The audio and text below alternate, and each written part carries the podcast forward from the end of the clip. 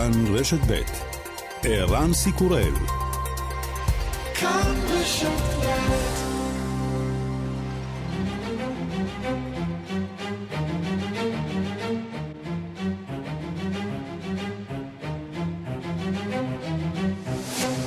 השעה הבינלאומית 24 בינואר 2024, 136 חטופים עדיין בשבי, והיום בעולם.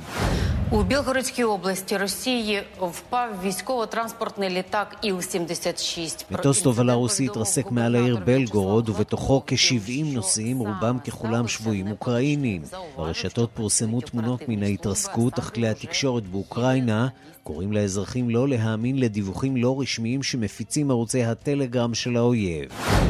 We have a call to make. The Fox News decision desk can now project that former President Donald Trump will win the New Hampshire Republican primary. נשיא ארצות הברית לשעבר דונלד טראמפ רושם ניצחון שני צפוי בבחירות המקדימות בארצות הברית וזוכה במדינת ניו המפשר. This race is far from over. There are dozens of states left to go. המרוץ הזה רחוק מלהסתיים.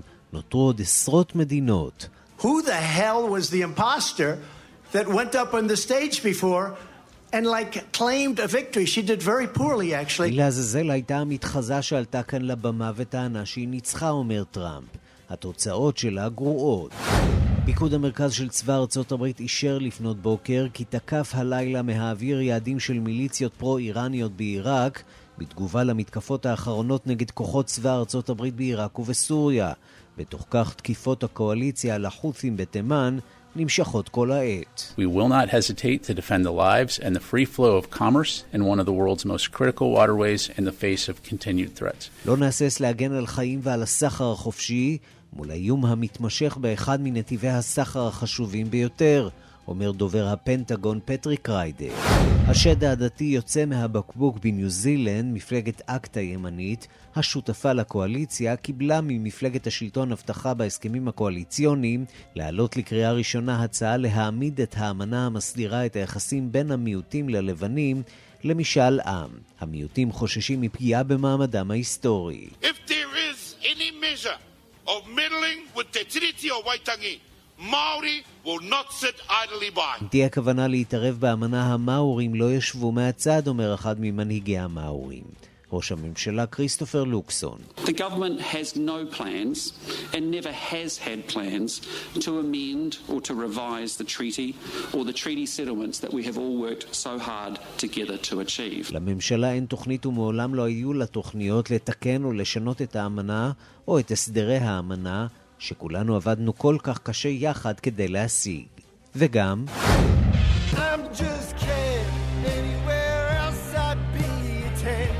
האקדמיה האמריקנית פרסמה את רשימת המועמדים לאוסקר שיציין השנה את שנתו ה-96.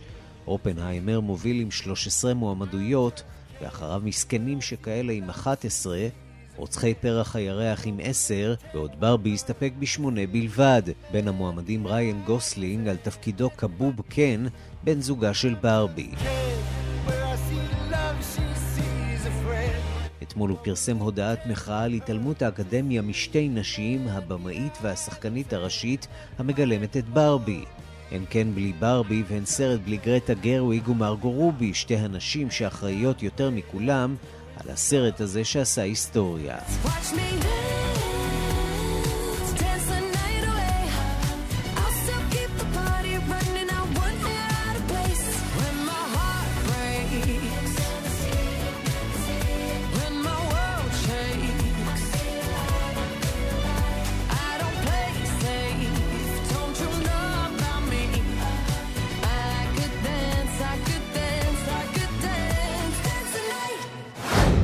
השעה הבינלאומית שעורך עמוס שפירא, בביצוע הטכני שמעון דוקרקר, אני ערן סיקורל, אנחנו מתחילים.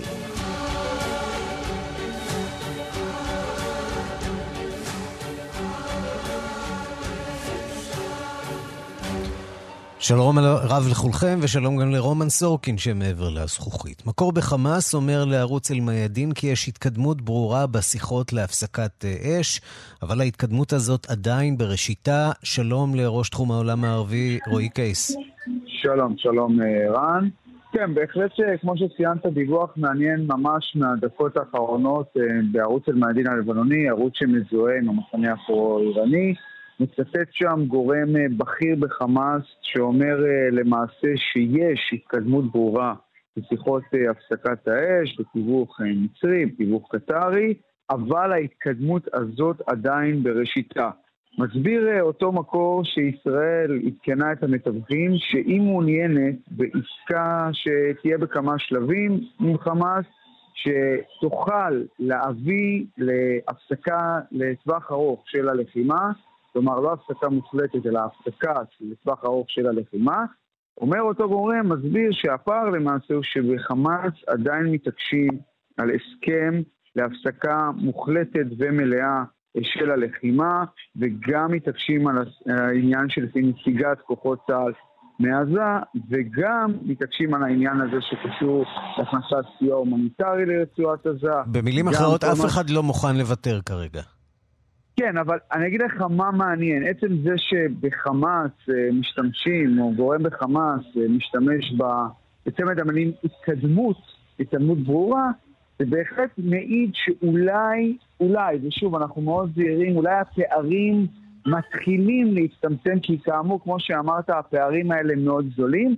נגיד שכאמור, הגורם הזה אומר את הדברים בעילום שם לערוץ אל-מיאדין, וביממה האחרונה, בצל הדיווחים הרבים ששמענו גם ברויטרס וגם במקומות אחרים, וחמאס באופן רשמי למצלמות, און קאמרה, אומרים, הם כרגע בשלהם, ולא נראה שיש כרגע איזושהי הבקעה. אומר אתמול אוסאמה חמדאן, בכיר חמאס בביירות, לערוץ אל-מיאדין, אותו אל-מיאדין, שלמעשה מבחינתם יש שלושה תנאים מרכזיים שצריכים להיות מיושמים כדי שיהיה אפשר להגיע לעסקה, הנה הדברים שהוא אמר. نحن قدمنا تصورا لكل الأطراف الوسيطة وقلنا لهم أن هذا التصور هو المقبول بالنسبة لنا وهناك ثلاثة عناوين في أي تصور يجب أن تكون حاضرة إذا ما أراد أي وسيط أن يتحرك. כן, אז אומר אוסאמה חמדאן לערוץ אל-מיאדין, שלמעשה מבחינתם יש שלושה תנאים מרכזיים שהם הציגו למתווכים, הם הציגו תוכנית שמקובלת עליהם. התנאי הראשון זה הפסקת אש מופרטת, הפסקת התוקפנות. התנאי השני, קבלת ערובות לכך שהתוקפנות הזאת לא תחזור על עצמה כפי שהוא מכנה אותה, ואז יהיה אפשר להתחיל בתהליך של חילופי אה, שבויים. כך אתמול... אפשר להניח שיש הרבה מאוד לחצים שמופעלים על אה, חמאס, גם אה, מהצד הקטרי, גם מהצד המצרי.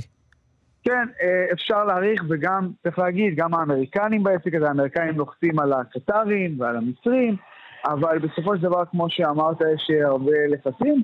אגב, נגיד, משהו מעניין מהשטח היום, זה לא מייצג, אבל היום הייתה איזושהי הפגנה קטנה של עקורים בדיר אל-בלח במרכז הרצועה, הפגנה שקראה להביא לקיצה של המלחמה, ובה היה שלט מעניין שבו נכתב כך, ערן, כן למסירת השבויים, שלט של עזתים. בהחלט מעניין, הפגנה קטנה, אבל זה בהחלט אולי מראה על משהו שקורה, מתחיל לקרות בשטח. ובמקביל לזה, ובמקביל לכל הבאמת דיווחים האלה, היום נשיא מצרים, עבד אל-פתאח א-סיסי, אומר בקולו, הוא מנסה להדוף את הטענות שמצרים לא מאפשרת הכנסה מספקת של סיוע הומניטרי לרצועת עזה, הוא מטיל את האחריות על ישראל, הנה קטע מהדברים שלו. مصر أعبر رفح مفتوح على مدار ال 24 ساعة في السبعة أيام في ال 30 يوم إنما الإجراءات اللي بتتم من الجانب الآخر من إسرائيل כן, אז אומר נשיא מצרים עבד אל-פתאח א-סיסי בנאום מוקדם יותר, מעבר רפיח בין מצרים לרצועת עזה פתוח 24/7 במשך כל היממות של החודש, במשך 30 יום, אבל הצעדים שישראל נוקטת לגבי מה שאנחנו מנסים להכניס מעכבים את ההכנסה של הסיוע, כלומר הוא מטיל על ישראל את האחריות לכך שלא נכנס מספיק סיוע, ואומר סיסי, יותר מזה, אומר שישראל מבצעת את הצעדים האלה כסוג של אמצעי לחץ גם על הרצועה וגם על התושבים שלה, כדי להביא לשחרור החטופים. דבריו של נשיא מצרים, סיסי, מוקדם יותר בהקשר הזה, בעיקר מנסה, כמו שאמרתי, להדוף את הטענות שמושמעות פה ושם נגד מצרים על כך שהיא לא עושה מספיק בהקשר של הכנסת הסיוע ההומניטרי לרצועת עזה. ראש תחום העולם הערבי רועי קייס, תודה לך. תודה. שבועיים אחרי הדיון הראשון בבית הדין הבינלאומי לצדק בהאג, צפויה להתפרסם הכרעת הדין. אנחנו רוצים לומר שלום לפרשניתנו לענייני משפט תמר אלמוג. שלום ערן. האם בישראל כבר אה, עודכנו? בישראל אה, מחכים למסר רשמי מבית הדין, עוד אין הודעה רשמית של בית הדין, נכון אה, ממש לפני כמה רגעים. אבל בישראל רואים את הפרסומים, זה פורסם בדרום אפריקה. לוח הזמנים הגיוני, צריך כן, לומר. לוח כן, לוח הזמנים מאוד הגיוני, כמו שאנחנו פרסמנו בחדשות הערב, וההחלטה הצפויה להינתן עד יום שישי הבא. אז בלוח הזמנים הזה, אם לא יהיה שינוי, זה שהיא תימסר בשישי בבוקר זה הגיוני. עוד משהו שבישראל מעריכים, מעריכים שכן בית הדין יוציא איזשהו צו נגד ישראל. השאלה איזה, אנחנו לא יודעים כמובן, mm-hmm. גם הגורמים כאן לא יודעים. אמ, וזאת שאלה מאוד משמעותית. כי אם למשל מוצאים צו להפסקת לחימה, גם אם אין שיניים וישראל לא חייבת בעצם לקיים אותו, אין איך לאכוף אותו, עדיין ההשלכות של צו כזה הן משמעותיות, הן רבות, ממצב שזה יקשה על מדינות ידידות של ישראל, כמו ארה"ב, להגן עליה, ועד השפעה גם אה, אפילו אה, ביטחונית, כלכלית, עסקאות אה, נשק וכן הלאה. אז מעריכים שיצא איזשהו צו, מקווים mm-hmm. שלא מהגרועים יותר, וגם צריך לומר שלישראל יש טיעונים מאוד חזקים שהושמעו בצורה מאוד טובה. כלומר, אם בית הדין באמת היה פת... אה, פתוח, והוא פתוח לשמוע בלב פתוח ונפש חפצה, כמו שאומרים כאן, אז מצבנו מצוין. הבעיה היא שלא בטוח שזה המצב. עכשיו, צריך לומר עוד משהו, ערן. זאת החלטה בצו שדרום אפריקה מבקשת, או mm-hmm. בסעדים הזמניים במשפטית שדרום אפריקה מבקשת. היא ביקשה רשימה ארוכה, זה לא הכרעה בתביעה כולה. כן. אלא אם יגלגלו אותה מכל המדרגות, זאת לא הכרעה בתביעה כולה. זה יכול לקחת כולה, שנים. התביעה כולה יכולה לקחת שנים, וכאן גם ההערכה היא שבסופו של דבר היא תידחה. בכל מקרה, אה, כרגע נראה שזה יהיה בשישי, כן. טוב, והשאלה הגדולה היא כיצד תגיב אה, ישראל, אם אכן אה, יצא כאן אה, איזשהו צו. איך מתנהלים עם הדבר הזה גם מול האמריקנים, אה, ואולי פניות למועצת הביטחון על השפעות של ישראל. תמר אלמוג, תודה. תודה לך, ערן.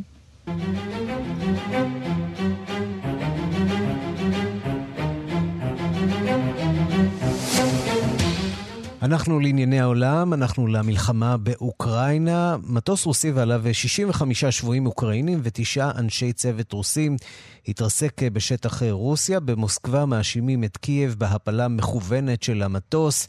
שלום לדוקטור אלכס נירנבורג, מכאן דיגיטל. שלום ערן. כן, אסון אווירי היום באזור הלוחמה בין רוסיה לאוקראינה. מטוס תובלה מסוג איל, איליושין 76.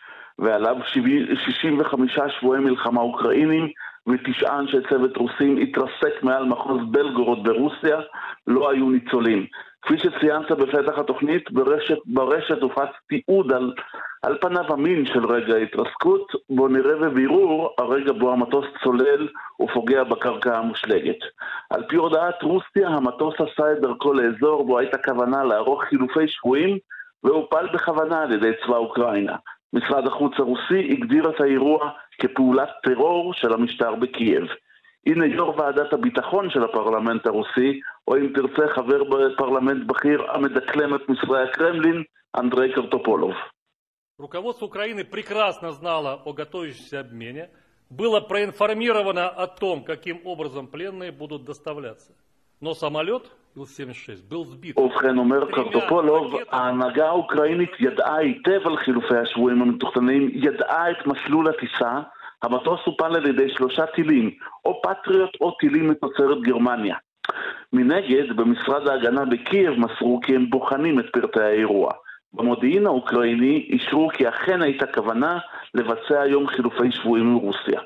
ערן, זה לא אסון התעופה הראשון בזירה האוקראינית, ביולי 2014 הופל מטוס נוסעים אזרחי מלזי מעל מזרח אוקראינה.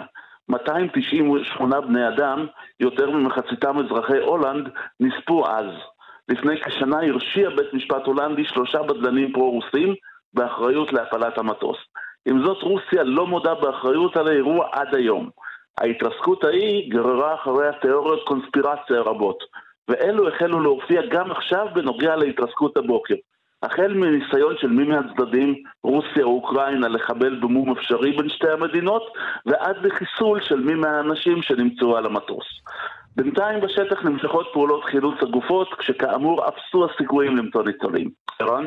כן, כשצריך לומר שבאמת לאף צד פה לא אמור להיות לפחות אינטרס לנסות לחבל בעסקה הזאת, עסקת חילופי השבויים בין אוקראינה לרוסיה, משהו מוזר קרה שם על המטוס, אנחנו נחכה לתחקיר, מי יודע אם נדע. וזה פתח לתיאוריות קונספירציה, אנחנו, אני, אני מניח שלא נדע את התשובה באמת שנים רבות. אלכס נירנבורג, תודה. תודה. אנחנו לדיון במועצת הביטחון אתמול, עוד דיון במלחמה בעזה, הפעם בדרג של שרי חוץ, וכמובן שיח של חרשים שם. שלום לכתבנו אסף זלינגר. שלום ערן. אז מה קרה שם בדיון? כן, אז אתמול למעלה מ-60 דוברים מתייצבים במועצת הביטחון של האו"ם. השיח מתנהל באמת ברמת שרי החוץ, שמגיעים עם, אתה יודע, אם היינו עושים, אם היינו מבקשים מ-Chat GPT לעזור לנו, שתי המילים שחזרו שם יותר מכולן הן הפסקת אש ופתרון שתי מדינות. Mm-hmm. זה הנתיב שהתווה אנטוניו גוטיירש בפתיחת דבריו, וזה הנתיב שבו התקדמו יתר הדוברים, חלקם, כמו שר החוץ הצרפתי, טענו כי האחריות חלה על, שתי, על שני הצדדים, וכי המעשים של שבעה באוקטובר צריכים להיות מגונים בכל תוקף, אך כמו כן, כך צריכים להיות מגונים מעשי המתנחלים בגדה והעצימות של הלחימה בעזה.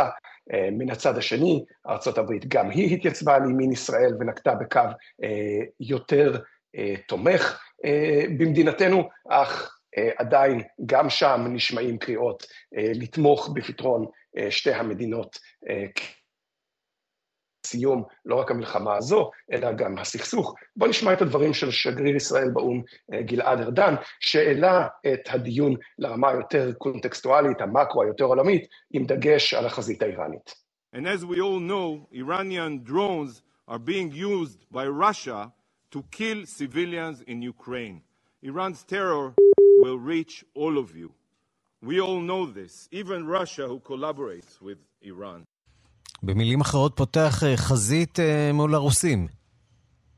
כן, וצריך לציין שבאותו חדר מפורסם, סרגי לברוב יושב מול ארדן, ארדן מסתכל לו בעיניים ואומר את הדברים האלה. ליתר חברי המועצה הוא אומר, אתם מתעלמים מהסרטן החמאסי, אתם מתעלמים, אתם מתעלמים מהקונטקסט האיראני, אתם מנסים לשפוך פה ולצייד אותנו באספירין לבעיה שדורשת התערבות כירורגית הרבה יותר קשה, וכמובן שארדן מציין שכל הקריאות להפסקת אש הן מכות אותו בתדהמה, מדובר בהלם מצד ישראל, כי אין כאן שום הכרה בזכות ישראל להגן בעצמה, והן רק מאפשרות לחמאס להישאר בכוח, להתחמש ולתקוף בפעם השנייה. מן, מן הצד השני, שר החוץ של הרשות הפלסטינית, אל-מאלכי, מתייצב גם הוא. הטקסט הוא טקסט דומה. מצד אחד, אתם מדברים איתנו על הקהילה, הקהילה הבינלאומית תומכת בהפסקת אש, ומן העבר השני, מדובר פה במאבק נמשך ומתקפות נמשכות כנגד העם הפלסטיני, בשל גחמותיו הפוליטיות של ראש ממשלה ישראלי, שמונה רק ממטרה אחת, הישרדותו הפוליטית. בואו נשמע את הדברים.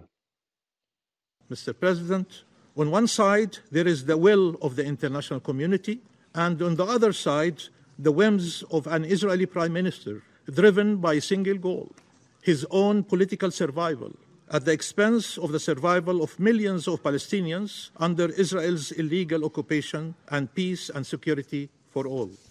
פרשנים פוליטיים יש שם באו"ם. כן, ובוא נעבור לפרשן הפוליטי אולי האהוב עליך, שר החוץ הרוסי סרגי לברוב.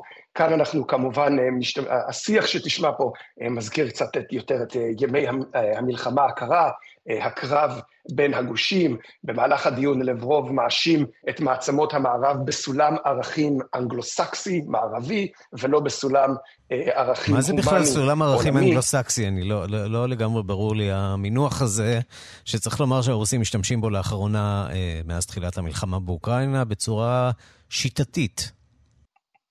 כן, נראה לי שמנסים, אתה יודע, אולי מנסים למצוא פה איזשהו, אולי רוסיה גילתה את, את הווק, ומנסים לשנות כאן איזשהו סדר עדיפויות, אבל שר החוץ לברוב תוקף את ישראל בדבריו, את הפלסטינים, הוא מציין שרוסיה היא היחידה שכועסת על שני הצדדים, ומצד שלישי הוא כמובן אומר, ארצות הברית ואנגליה ויתר מעצמות המערב עושות בתימן כבשלהן, תוקפות אותה בצורה חסרת רחמים, בניגוד לכל הנחיה של מועצת הביטחון של האו"ם.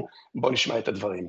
Оценки заставляют усомниться, что Газа когда-нибудь будет пригодна для жизни после завершения конфликта. В результате бомбардировок почва, грунтовые воды, прибрежная морская акватория, атмосфера уже беспрецедентно загрязнены.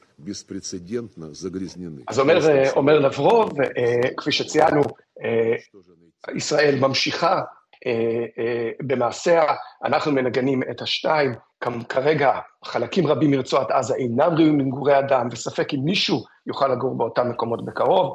מצד שני הוא מטיל על ארה"ב את האחריות למצב, בכך שהיא נהגה בשאננות ובאופן קצר רואי לפני השבעה באוקטובר, ובעצם אפשרה את המהלך הזה. אסף זלינגר בארצות הברית, תודה רבה לך.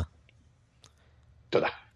ובדקות האחרונות דיווח על מל"ט עיראקי, או מל"ט בעיראק, שפוגע בבסיס צבאי אמריקני בצפונה של עיראק. אנחנו מבקשים להתעדכן בסיפור הזה ובכלל באירועים בימים האחרונים בעיראק. איתך כתבנו לענייני ערבים עמרי חיים, שלום עמרי. שלום ערן. נכון, תראה, ממש בדקות האחרונות, כמו שאתה אומר, דיווח על תקיפה מצד המיליציות הפרו-איראניות בעיראק לעבר כוחות אמריקנים. ליד שדה התעופה הבינלאומי של אירביל בחבל הכורדי בעיראק, ואתה יודע, אנחנו התכוונו לדבר על תקיפות שהיו בלילה, אבל הנה זה קורה ממש, ממש עכשיו. ממש בזמן השידור. בדיוק, כן. ממש בדקות האלה, איך ש...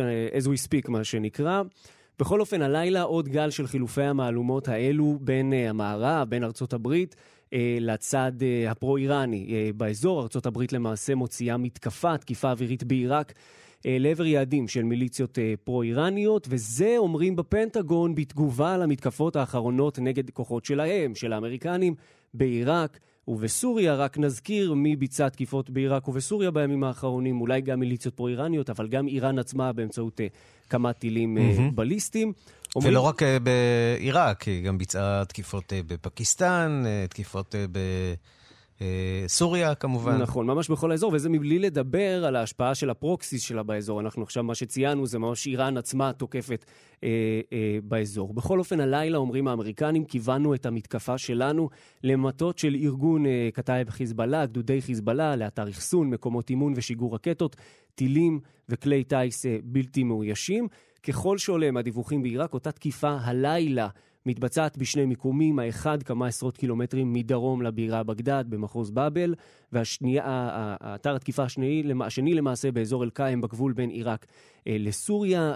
בעיראק דיווחו כלי תקשורת שמזוהה למעשה עם המיליציות הפרו-איראניות בעיראק, דיווח על שני הרוגים אה, בשורות המיליציות בתקיפה האמריקנית הזאת אה, שם. עיראק הרשמית אומרת, אנחנו נגד המתקפות האלו ונפנה אה, למועצת הביטחון אה, אה, של האו"ם. וכמו שאמרנו, זה עוד סבב של חילופי מהלומות, כמו זה עכשיו ממש שדיווחנו עליו בדקות האחרונות, גם הלילה, גם עכשיו, עוד מהחילופים האלו של המהלומות בין ארצות הברית לשלוחות של איראן.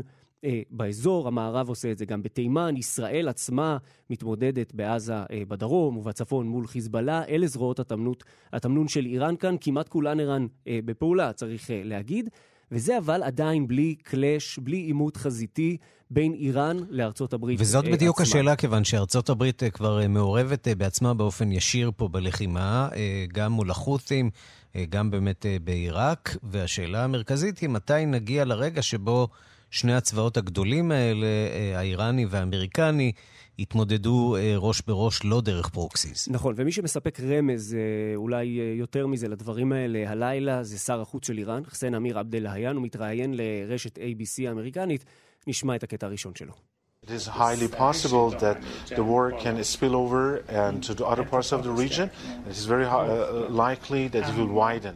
כן, הוא כמובן מדבר בפרסית ומתורגם בערוץ האמריקני עצמו לאנגלית. הוא אומר, זה אפשרי מאוד שהמלחמה יכולה להתרחב לאזורים אחרים באזור, זה אפשרי מאוד שהיא תתרחב. שואלת אותו המראיינת, מה לדעתך הסיכויים שאיראן וארצות הברית, שתיהן, יהיו במלחמה? נשמע את הקטע. What do you think the chances are that Iran and the U.S. will be at war? We don't really want the war. the scope of the war to expand. You cannot uh, continue the war in the Gaza and the West Bank to כן, militarily engage with כשהוא Yemen. נשאל מה לדעתך הסיכויים שאיראן וארצות הברית יהיו במלחמה, אומר, אנחנו לא באמת רוצים מלחמה, אנחנו לא רוצים שהיקף המלחמה יתרחב, אבל אי אפשר להמשיך במלחמה בעזה ובגדה המערבית ולהיכנס לעימות צבאי מול תימן, הוא כמובן מדבר על פעולות המערב, אם תרצה, ואז לשבת ולדבר על איך אנחנו לא רוצים שהמלחמה תתרחב. אומר עבדלהיאן למעשה, אנחנו לא יכולים, אנחנו, איראן, לא יכולים לראות את ההתנהלות הזאת של הברית וישראל באזור, ולהמשיך יותר מדי לשבת, במרכאות לשבת על הגדר, אה, ולהימנע מזה שהיא תתרחב. אה, איום מרומז, איום אה, במרכאות עדין מהמם. מהצד שלו, אבל בהחלט מסמל איזה שהן כוונות ככה של איראן בהקשר הזה. באמת קלאש ישיר בין איראן לארה"ב עוד לא היה, אבל השלוחות כאן אה, של איראן נלחמות מלחמה שערה אה, גם במערב, המערב משיב מלחמה, עימות ישיר עוד לא היה. כשנזכיר ממש הדיווח האחרון בדקות האחרונות על אה, תקיפה של המיליציות הפרו-איראניות בעיראק לעבר כוחות אמריקנים. סמוך ליד- לאירביל, ב- זה קורה. בדיוק, לחבל, הבירה של החבל הכורדי מהמם. בצפון עיראק. ערן. עמרי חיים, תודה. תודה רבה.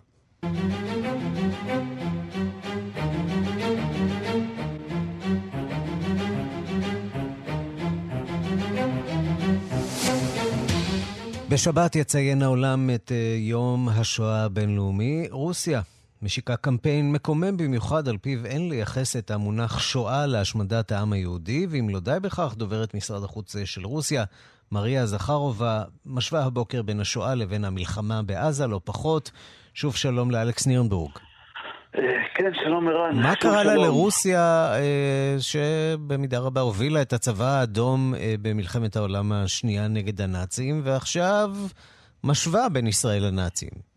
אני באמת מתקשה למצוא הסבר הגיוני למהפך הזה שעובר על אה, רוסיה, שלא נאמר טרלול שעובר על המדינה הזאת. יכול להיות שהתשובה היא היהודי שיושב בקייב. יכול להיות שזו חלק מהתשובה, יכול להיות שזה הצורך לרצות את איראן, אה, בעלת הברית החדשה, אבל ערן, כמו שציינת, אין דרך אחרת לתאר זאת. רוסיה יצאה השבוע לקרב נגד ישראל, ולמעשה נגד העם היהודי כולו על הנרטיב של השואה. בפשטות, על פי העמדה הרשמית החדשה של רוסיה, אותה מביעה דוברת משרד החוץ במוסקבה מריה זכרובה, היהודים ניכסו לעצמם שלא בצדק את המונח הולוקוסט, וכעת הם גם משתמשים בו לצרכים פוליטיים של ישראל. אז מהי השואה על פי רוסיה הרשמית, אתה שואל? הנה זכרובה מנסה להסביר בתוכנית התעמולה הראשית של הקרמלין השבוע. Истреблению подвергались люди не только одной национальности и не из одной страны. Это миллионы и миллионы людей всех национальностей, народностей, наций, религиозных групп и, кстати говоря, социальных групп в том числе. כן, אומרת זכרובה, הושמדו אנשים שלא היו רק בני לאום אחד ולא רק ממדינה אחת. מדובר במיליונים של בני לאומים שונים, בני דתות שונות, וגם של בני קבוצות סוציאליות שונות. כלומר, זכרובה שוללת בעצם את המונח שואה ככזה המתייחס לשואת יהודים, ורואה בו מונח אוניברסלי המתאר השמדת עם.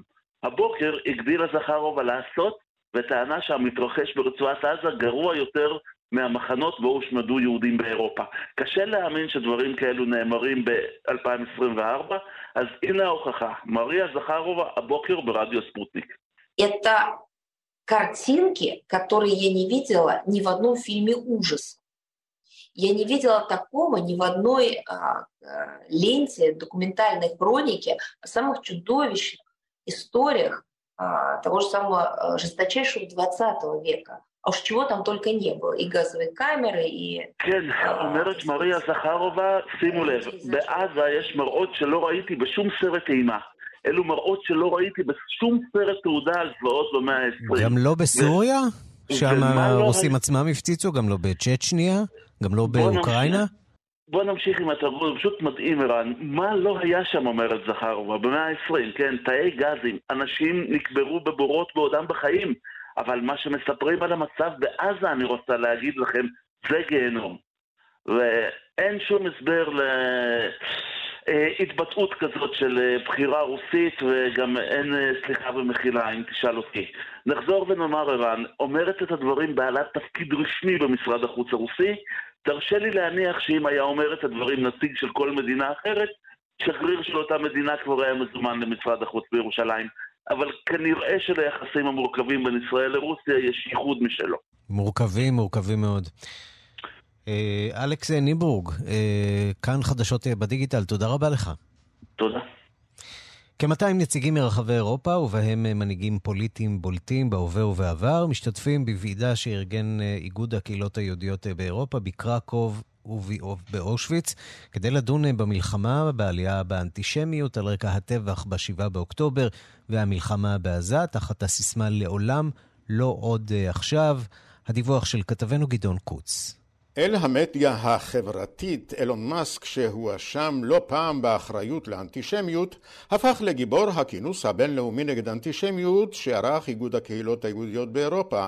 אחרי שהודיע מספר פעמים על כוונתו לבקר באתר מחנה אושוויץ בירקנאו, הוא עשה זאת לפני המשתתפים האחרים, בלוויית נשיא האיגוד הרב מנחם מרגולין, כשהוא מרכיב על כתפיו את בנו בן השלוש העונה איך לא לשם איקס. אחר כך הוא התחלק ברשמיו ובעצותיו עם באי הכינוס.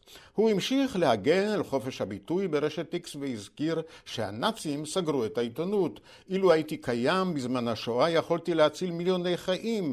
הוא השווה את תקיפת חמאס למעשה הנאצים ואמר כי הכי מחריד היה לראות את ההנאה מרצח ילדים ונשים. innocent people, like the delight in killing kids and defenseless הדרך היחידה לטפל בחמאס היא להרוג או לכלוא אותם. ראש הממשלה לשעבר של צרפת, מנואל ואלס, דווקא רואה את זירת הקרב המרכזית הצפויה סביב המתרחש במזרח התיכון ובעזה במדיה החברתית.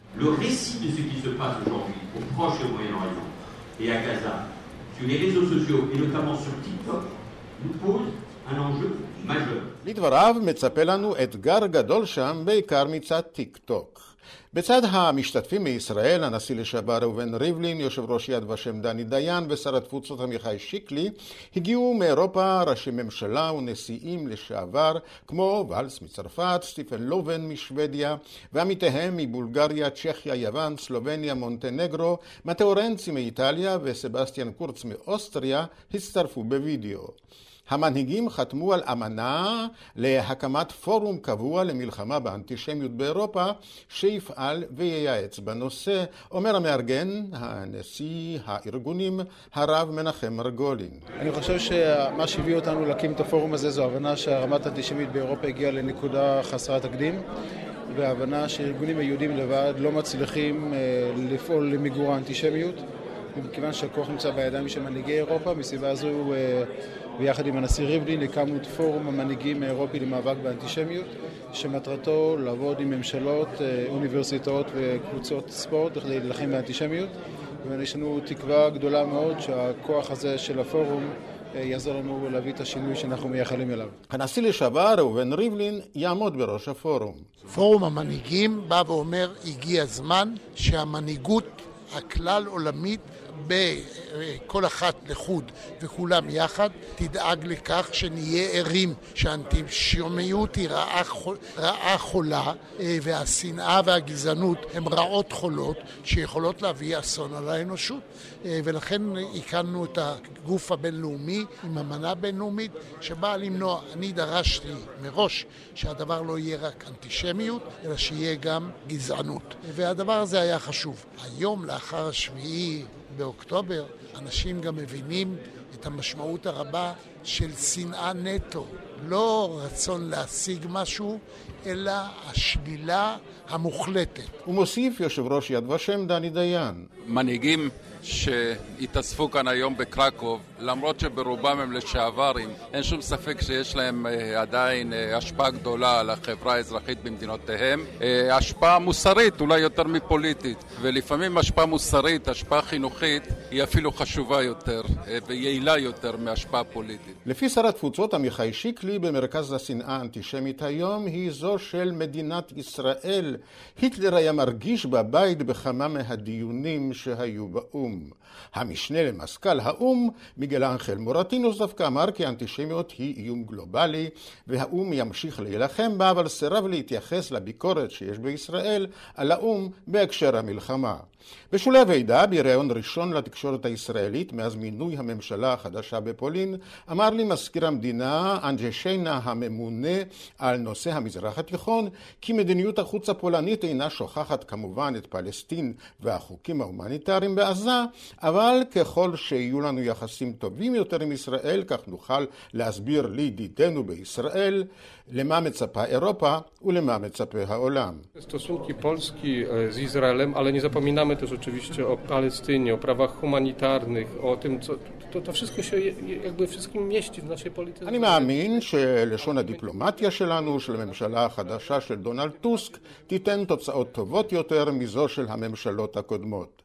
ויושב ראש הפרלמנט האירי, שונו פרהד, הסביר שבארצו מגנים את האנטישמיות, אך גם תומכים בפתרון שתי מדינות. אמנם חמאס הוא ארגון מרושע, אבל מה יהיה עתיד הילדים בעזה?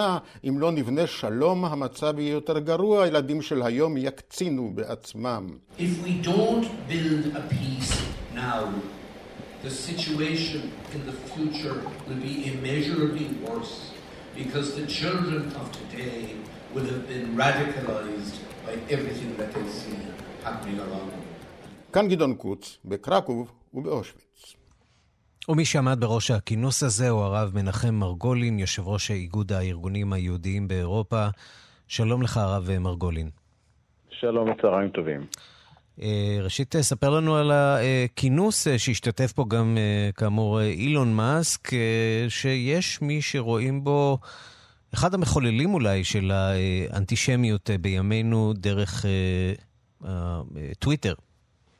אני קודם כל מוכרח דווקא להתחיל עם ההערה השנייה שלך, אני חושב שזה פשוט מוגזם ומוזר לדבר כך. מי שאנטישמי הם אנטישמים. טוויטר או היום אקס היא פלטפורמה שבה אנשים מבטאים את הדעות שלהם. יש כאלו שמבטאים את הדעות בתור בסופרמרקט, בבנק, אצל הספר או בבית הדואר, ויש כאלו שעושים את זה אונליין. השאלה, ולכן, אה, לכן לבוא ולומר, לכן, סליחה שנייה, כן. לכן לבוא ולומר שטוויטר עצמה היא אנטישמית זה, זה, זה, זה, זה, זה מוזר ולא נכון ושגוי.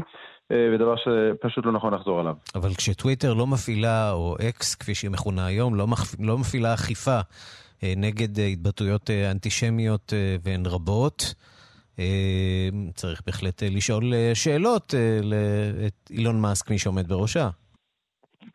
אז תראה, ללא ספק יש מחויבות לכולם. אני חושב שבסופו של דבר, מי שמופקד על חוקים בעולם אלו המדינות והממשלות.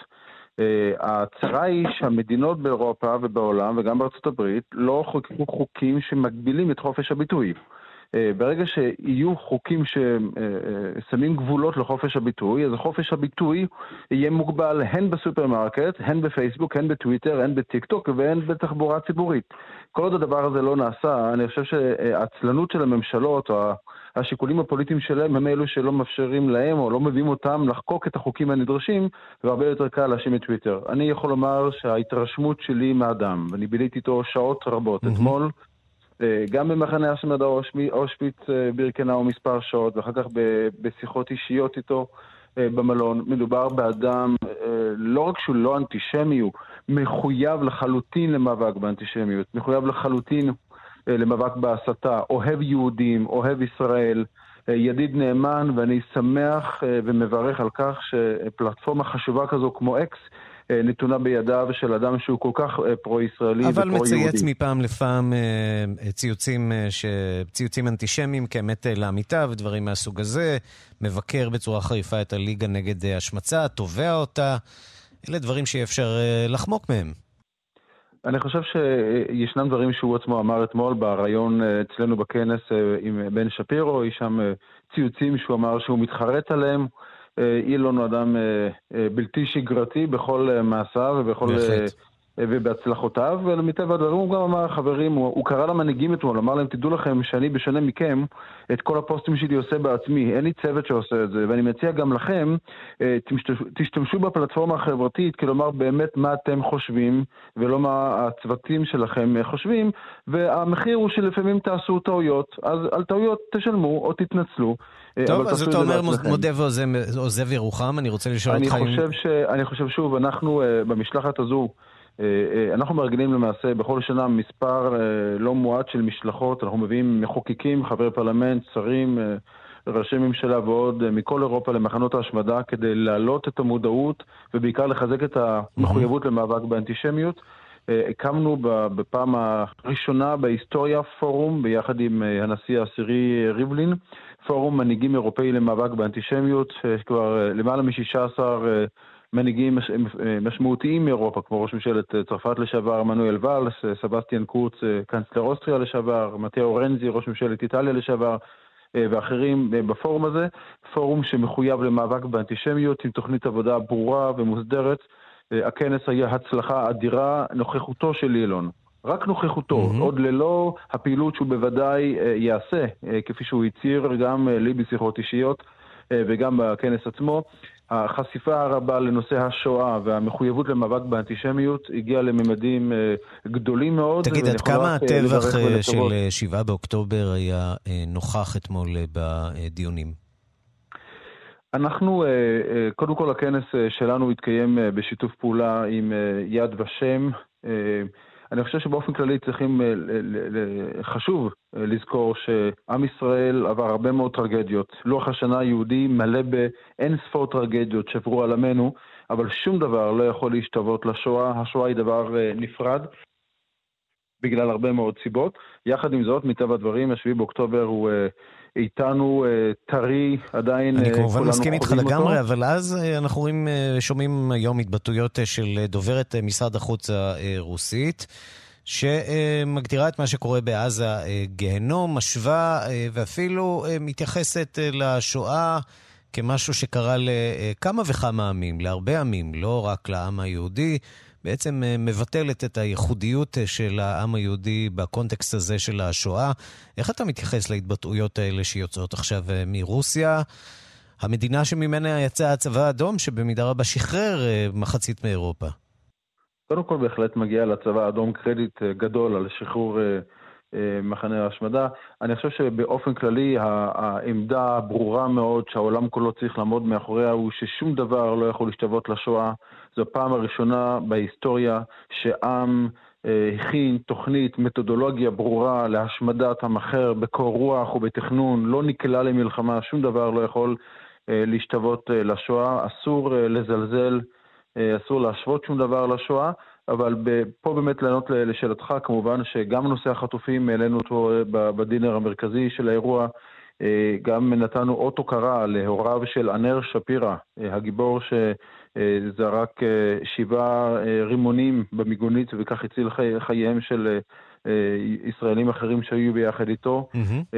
ועוד בהרבה מאוד הזדמנויות הנושא הזה עלה, ואני מאוד מאמין שה... העבודה הזו תביא לשינוי גדול במחויבות של המנהיגים שהשתתפו בכנס. איזשהו מסר לרוסים עם ההתבטאויות האנטישמיות האחרונות? אני חושב שאני פחות אה, בקיא בכל ההתבטאויות, אני שמעתי עליו קודם מה, אה, מההפקה אצלכם, אני לא עקבתי יום אחרי החדשות, חזרתי אמש מפולין. אני אה, מודע לזה כמובן שמטבע הדברים, כאשר נמצאים מדינות במלחמות ונמצאים בסערות ציבוריות, נעשים שימושים בכל מיני דברים מסיבות פוליטיות וכאלו, אני ממש מפציר בכל העולם כולו, נושא השואה הוא נושא קדוש, הוא לא שייך להיסטוריה. אני אמרתי גם לאילון כשנפגשנו, אה, אנחנו, העם היהודי, אנחנו לא סובלים מטראומה. בטראומה אפשר לטפל, אפשר ללכת לפסיכולוגים. אנחנו חיים אה, לא רק עם טראומה, אלא בעיקר עם חשש מהעתיד, משום שאנחנו יודעים שמה שקרה יכול לקרות שוב. לכן לא מדובר רק במשחק ברגשות, במישהו שעבר משהו כואב בעבר, אלא מדובר פה בעם כולו, עם שלם שמתמודד לא רק עם העבר, אלא עם הרבה מאוד חשש מההווה ומהעתיד, ולכן בוודאי נושא השואה הוא נושא קדוש אה, שאסור לעשות שום דבר שעלול לפגוע בו. הרב מנחם מרגולין, יושב ראש איגוד הארגונים היהודיים באירופה, תודה רבה לך. תודה רבה לכם. אנחנו נשארים במתיחות בין המערב לרוסיה. מכשול נוסף הוסר אתמול מהמסע של שוודיה בדרכה להצטרף לברית נאט"ו. הפרלמנט הטורקי אישר את התיקון בחוק שמאפשר את ההצטרפות של סטוקהולם לברית אחרי 20 חודשים של עיכובים ומשא ומתן. עכשיו נותרה רק הונגריה בהתנגדותה למהלך. הדיווח של כתבת תחום החוץ, מיכל רשף. אחרי דיון בין ארבע שעות אישר אתמול הפרלמנט הטורקי את הצעת החוק שמאפשרת לאנקרה לאשר לשוודיה להצטרף לברית נאט"ו, ובכך מקדמת אותה צעד נוסף בדרך למטרה. Etmeyenler kabul edilmiştir. İkinci madde yok diyorum. Madde 2. Bu kanun yayımı tarihinde yürürlüğe girer. תוצאות ההצבעה הפתוחה להצעת החקיקה הנוגעת לאישור פרוטוקול ההצטרפות של ממלכת שוודיה לברית נאט"ו, מספר המצביעים 346, בעד 287, נגד 55 וארבעה נמנעים. הנשיא ארדואן צפוי לחתום בימים הקרובים על הצעת החוק ולהפוך את העניין לרשמי. נזכיר ששוודיה ביקשה להצטרף לברית כבר ב-2022 אחרי הפלישה של רוסיה לאוקראינה, אבל טורקיה הייתה בין המתנגדות למהלך בטענה שסטוקהולם לא פועלת כראוי נגד פעילי המחתרת הכורדית הנמצאים בשטחה. בחודש יולי הושג הסכם בין המדינות להצטרפות וכעת הוא אושר. הצמרת הפוליטית בשוודיה בירכה על המהלך, ונראה שגם האזרח השוודי הפשוט בסך הכל מרוצה. I think it's about time that they did it. Uh, it's been up for quite some time. And uh, it's of course very important for Sweden taking the step of finally uh, applying for NATO mem- membership, and I think it's also important for NATO. Uh, and we are still not there. We still have Hungary to go. Uh, I'm happy with it. Yes, it gives us uh, a better protection and better safety against Russian aggression. They have to think twice before they do something here. אני חושב שהגיע הזמן שהם יעשו זאת, אמר תושב סטוקהולם. זה חשוב לשוודיה לעשות את הצעד הזה בדרך לחברות בנאט"ו. אני גם חושב שזה חשוב לנאט"ו, אבל אנחנו עדיין לא שם, יש עדיין את הונגריה. תושב מלמו הוסיף, אני שמח על כך, כן, זה נותן לנו הגנה טובה יותר נגד תוקפנות רוסית, הם יצטרכו לחשוב פעמיים לפני שהם עושים משהו באזור הזה. נזכיר שלכל אחת מ-31 החברות בנאט"ו יש את הזכות להתנגד לצירוף של מדינה נוספת לברית, וכרגע נראה שגם הונגריה, המכשול האחרון שעוד נותר לשוודיה בדרך לחברות, כבר עושה צעדים בכיוון דומה לזה של טורקיה.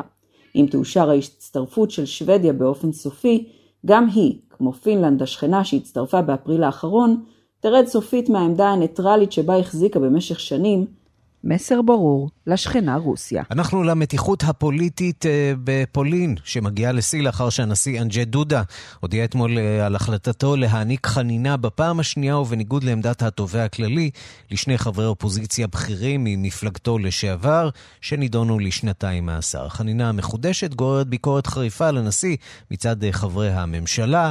הדיווח של כתבנו במזרח אירופה, ניסן צור. הקרע בין נשיא פולין והממשלה בוורשה מגיע לשיא. שבועיים לאחר ששני חברי פרלמנט בכירים ממפלגת האופוזיציה, חוק וצדק, נעצרו, זמן קצר לאחר שיצאו מאירוע בארמון הנשיאות, הודיע אתמול נשיא פולין, אנג'י דודה, כי הוא מעניק להם שוב חנינה, בניגוד להמלצת התובע הכללי.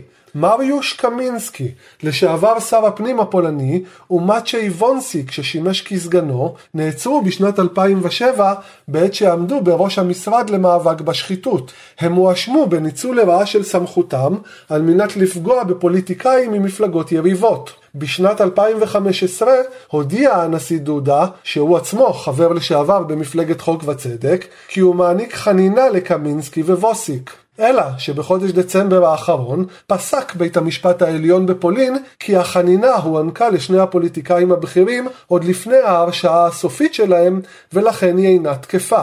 השופטים גזרו על שני הפוליטיקאים הבכירים שנתיים מאסר בפועל, אלא שכאשר היו אלו אמורים להתחיל ולרצות את עונשם לפני כשבועיים, הם לא התייצבו בשערי בית הכלא.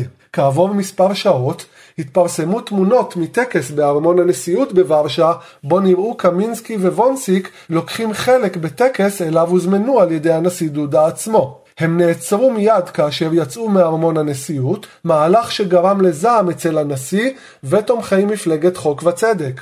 אתמול הודיע שוב דודה כי הוא מעניק חנינה מחודשת לשני חברי הפרלמנט, לטענתו בעקבות מצבם הרפואי. Ułaskawieni, potwierdzam to z całą mocą. Apeluję אני פונה לשר המשפטים ולתובע הכללי בבקשה ליישום מיידי של החלטת נשיא הרפובליקה של פולין ולפיכך לשחרורם המיידי של שני השרים מהכלא. מאחר וניתנה ההחלטה בדבר החנינה, שני האדונים הנכבדים זוכים לחנינה. אני מאשר זאת בכל כוחי. אני פונה לשר המשפטים ולתובע הכללי להמשיך מיד בהליכים בנושא הזה. אנו שולחים את המסמכים להמשך ביצוע ההליך באופן מיידי. ההחלטה של דודה גררה ביקורת נוקבת בממשלת פולין. חבר מפלגת השלטון, הקואליציה האזרחית, מרצ'ין בוסצקי, אמר כי הנשיא עומד נגד החוק והמדינה ולצידם של פושעים שהשתמשו בשירותי המודיעין הסודיים כדי לרדוף יריבים. הוא ניצח הלילה כצפוי בפריימריז במדינת ניו-המפשר, כשמולו ניצבת רק בת טיפוחיו לשעבר ניקי היילי. אז למה הוא כל כך עצבני, והיא דווקא באופוריה? הדיווח של כתבנו יגאל רביד. Well, I want to thank everybody. This is a fantastic state. This is a great, great state. You know, we won New Hampshire three times now. Three. ניצחנו בניו-המפשר כבר שלוש פעמים, אומר הלילה טראמפ, וסופר גם את הבחירות ב-2020, שלטענתו, כזכור, נגנבו ממנו. זה מעניין וחשוב, מכיוון שאם יחזור לבית הלבן, הוא מתכוון לבוא חשבון עם כל מי שהכשילו אותו לשיטתו, הוא אפילו לא רומז, הוא אומר את זה במפורש, ומזמן. זה כנראה מה שתומכיו הרבים רוצים לשמוע, וזה מה שהם מקבלים, רגע אחרי שהוא גובר על ניקי היילי בבחירות המוקדמות הלילה. We beat her so badly she was... But Ron beat her also. You know, Ron came in second and he left. She came in third and she's still hanging around. דה סנטיס עזב למרות שהגיע שני באיואה והיא עדיין מסתובבת למרות שהגיע שלישית. היה לה לילה רע, ממשיך טראמפ ודורך על היילי בגלל ששמחה על אותו רגע שבו הפער לרעתה בספירה היה רק 7%. כשמאחוריו ניצבים יריביו רק מאתמול מבטיח טראמפ שתכף ימצאו שדים נסתרים אצל ניקי היילי והסיפור שלה ייגמר. לא בטוח שזה יקרה, אבל הוא נותן לה את מה שהוא יודע הכי טוב, לרמוס. אלא שהסיפור שלה ממש לא גמור, ויש סיבה. לפחות עבורה. He defeats his only notable rival, still in this race, former Governor Nikki Haley. Haley appears to be running a somewhat closer race than the recent polling had showed. Both of these candidates will receive a share of the 22 delegates at stake tonight. You have to get over 10% in order to start divvying up those delegates. הוא ניצח בניו-המפשר, אבל בהפרש של 10 אחוזים, 54-44. זה ניצחון ברור, אבל לא בהפרש החלומי שהיה לו מולה ומול דוסנטיס בשבוע שעבר באיואה. שם ההפרש היה 30 אחוזים ויותר.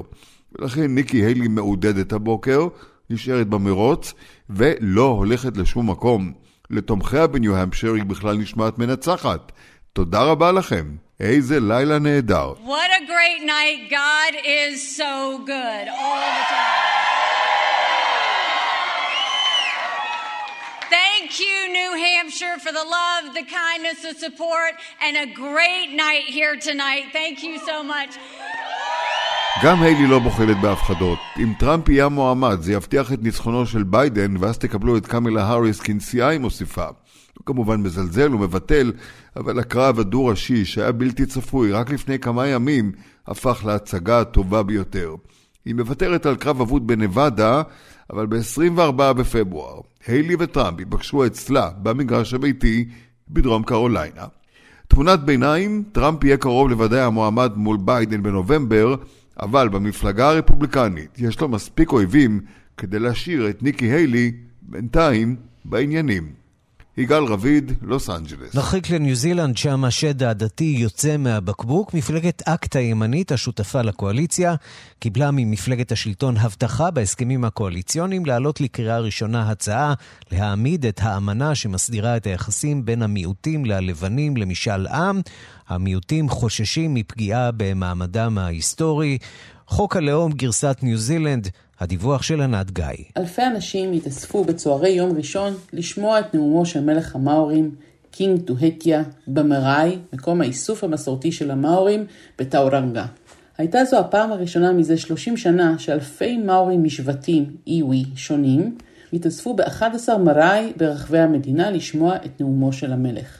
האירוע התקיים בצל השינויים המוצעים במסמך המכונן של ניו זילנד, Treaty of Waitangi.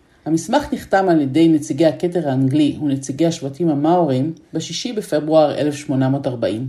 במסמך ישנה הסכמה בין נציגי הכתר ונציגי המאורים כי האוכלוסייה הילידית הניו זילנדית, המאורים, מאשרים ומאפשרים את שליטת נציגי הכתר האנגלי בחברה הניו זילנדית. למסמך יש שתי גרסאות, האחת בטראו מאורי והשנייה באנגלית. השוואה קצרה בין שתי הגרסאות מלמדת כי ישנם הבדלים מהותיים ביניהן, וכי המסמך האנגלי מתיר זכויות רבות מאוד לשלטון הכתר, בעוד שמסמך הטראו מציג את הדברים באופן מעורפל ומאפשר התערבות משמעותית של נציגי האיווים, השבטים, בהחלטות של הכתר.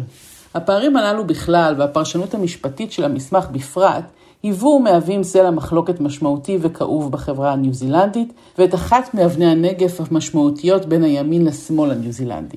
בבחירות האחרונות בניו זילנד זכו מפלגות הימין ברוב משמעותי והקימו קואליציה. חלק מההסכמים הקואליציוניים כללו את עמדתה של מפלגת אקט השמרנית להעמיד את הטריטי ואת הפרשנות המשפטית שלה למשאל עם.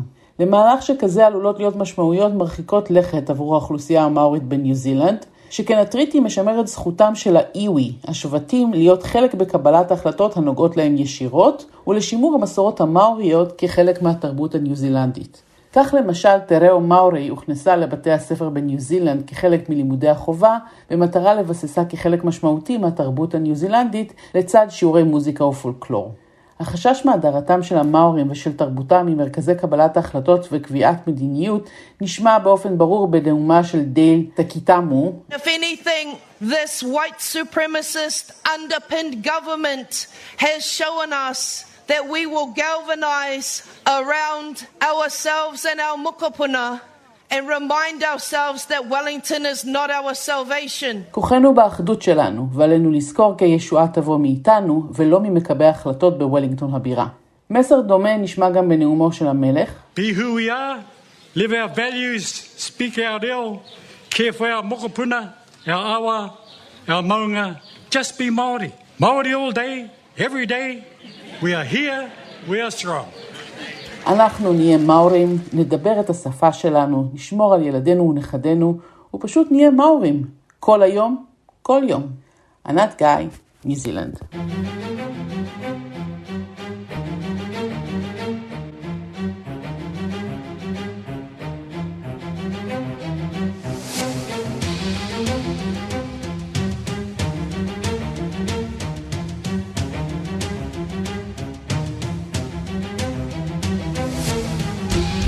כאן השעה הבינלאומית מהדורת יום רביעי שערך עמות שפירא, בביצוע הטכני רומן סורקין ושמעון דוקרקר, אני ערן סיקורל. מיד אחרינו יהיה כאן יאיר ויינרב עם כל הכלכלה שאתם מחפשים ורוצים, עם צבע הכסף. אנחנו נתראה כאן שוב ביום ראשון. להתראות.